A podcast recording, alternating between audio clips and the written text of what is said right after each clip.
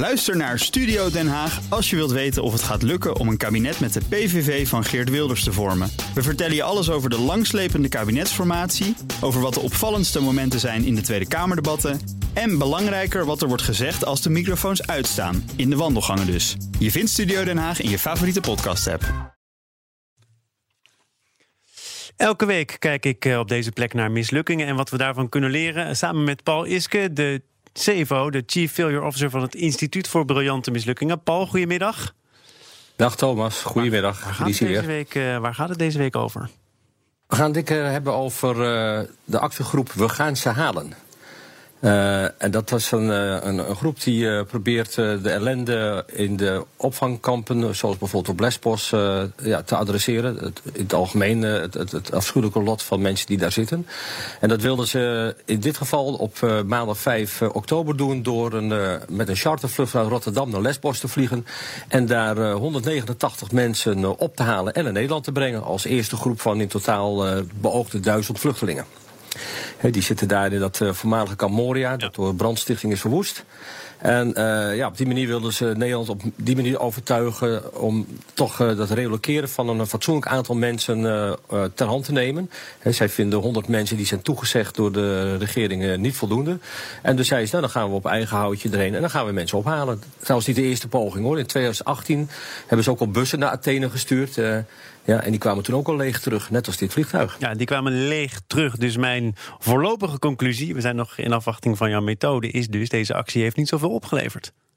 Nou, het is in ieder geval uh, in die zin mislukt dat als uh, de bedoeling alleen was om 189 mensen op te halen, ja, dat is dus niet gelukt.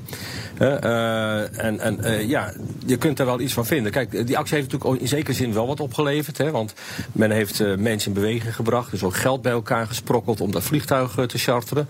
een, een uitzwaai-evenement, mensen boden onderdak aan. En, ja, dus van alles en nog wat is in korte tijd uit de grond gestampt, tot met een bakfiets met twee vliegtuigstoelen die door Utrecht reden. Er zijn veel brieven aan Den Haag gestuurd. Dus ze hebben echt wel wat in beweging gebracht. En sommige mensen, waaronder de filosoof eh, Nanda Audians, die uh, zei ook van ja, de zin van politiek handelen is niet gelegen in het uh, op voorhand berekenen of je actie succes zult hebben, maar of uh, de, de, de, zin van politiek handelen ligt in het handelen zelf. Daarmee trek je aandacht en breng je mensen in beweging. Nou, dat is op zich wel gelukt. Dus maar ja, uiteindelijk dus als... moeten kijken of die vluchtelingen in Nederland hebben bereikt of niet. Het feit dat er een actie was, nou. is uh, in een bepaald perspectief al genoeg. Ja, ja, en dat was dus ook een deel van de doelstelling. Maar ik ga toch even op die 189 in. Uh, kijk, uh, als je dat voor elkaar wil krijgen, wat ze gedaan hebben, is wel interessant. Wij, wij hebben een aantal uh, archetypes voor mislukken. En één daarvan is de lege plek aan tafel. Dat betekent dat je belangrijke stakeholders die je uiteindelijk nodig hebt voor je succes, niet betrokken hebt. Nou, in dit geval hebben ze met opzet een belangrijke stakeholder weggelaten. Dat is gewoon de overheid. Het is helemaal buiten de officiële kanalen omgegaan. Gewoon een vliegtuig erheen gestuurd.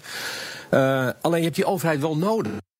Eerst heb je nodig om überhaupt te mogen landen. Nou, de, de Griekse autoriteiten hebben gewoon verboden om dat vliegtuig op Lesbos te laten landen. Ja, dat is natuurlijk wel een beetje pijnlijk.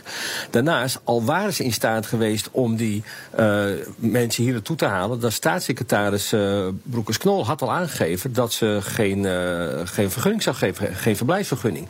Dus ja, hoe ver kom je dan, hè? Ja, maar dat is dus, precies de reden dat ze die belangrijke beslissingnemer buitenspel hebben gezet. Want ze wisten ook wel dat als ze dat netjes gingen overleggen en gingen vragen, dat het antwoord vast stond. Dus dit is ja, maar, maar ja, proberen iets te forceren. Ja, ja nee, dat, dat snap ik. Uh, alleen ja, dat, uh, nu bleek dus inderdaad dat, uh, dat het ook daar op stuk gelopen is. Hè, want de overheid werkte dus in geen enkel opzicht mee. dus, dus ja, ik, ik, ik, nou laat ik, laat ik naar de viral-formule gaan. Dan kan ik nog een paar dingen toelichten. Hè. De viral-formule geeft aan hoe briljant was deze mislukking nou eigenlijk. Nou ja, kijk, uh, het idee om meer vluchtelingen uit kamp Moria op deze manier in Nederland te halen, dat was het idee. Maar de meningen daarover lopen wel sterk uiteen. Hè? Dus uh, ze hebben heel veel steun gekregen, maar ook heel veel kritiek. Hè, op sociale media is de groep ook hard aangepakt. Onder meer verwijzen naar problemen, zoals huisvesting, die er al zijn in Nederland.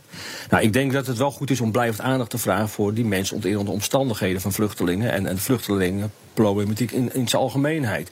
En dat je op, uh, op verschillende manieren probeert toch iets te forceren. Dat, uh, ja, dat ben ik op zich wel, uh, ja, wel positief over. En dan krijgen ze er voor mij toch een 7 voor. De inzet, nou, er is zeker veel energie in gestoken. Crowdfunding, communicatie, event. Nou, geef ik zelfs een 9 voor. Allemaal prima. Maar nou word ik toch wat minder, wat, wat kritischer. Kijk, als je naar het risico kijkt, er waren natuurlijk risico's. En die zijn ook bewust genomen hoor. Uh, ten eerste is, is er een, een bak stront op Twitter over zijn gestroomd, uh, gestort.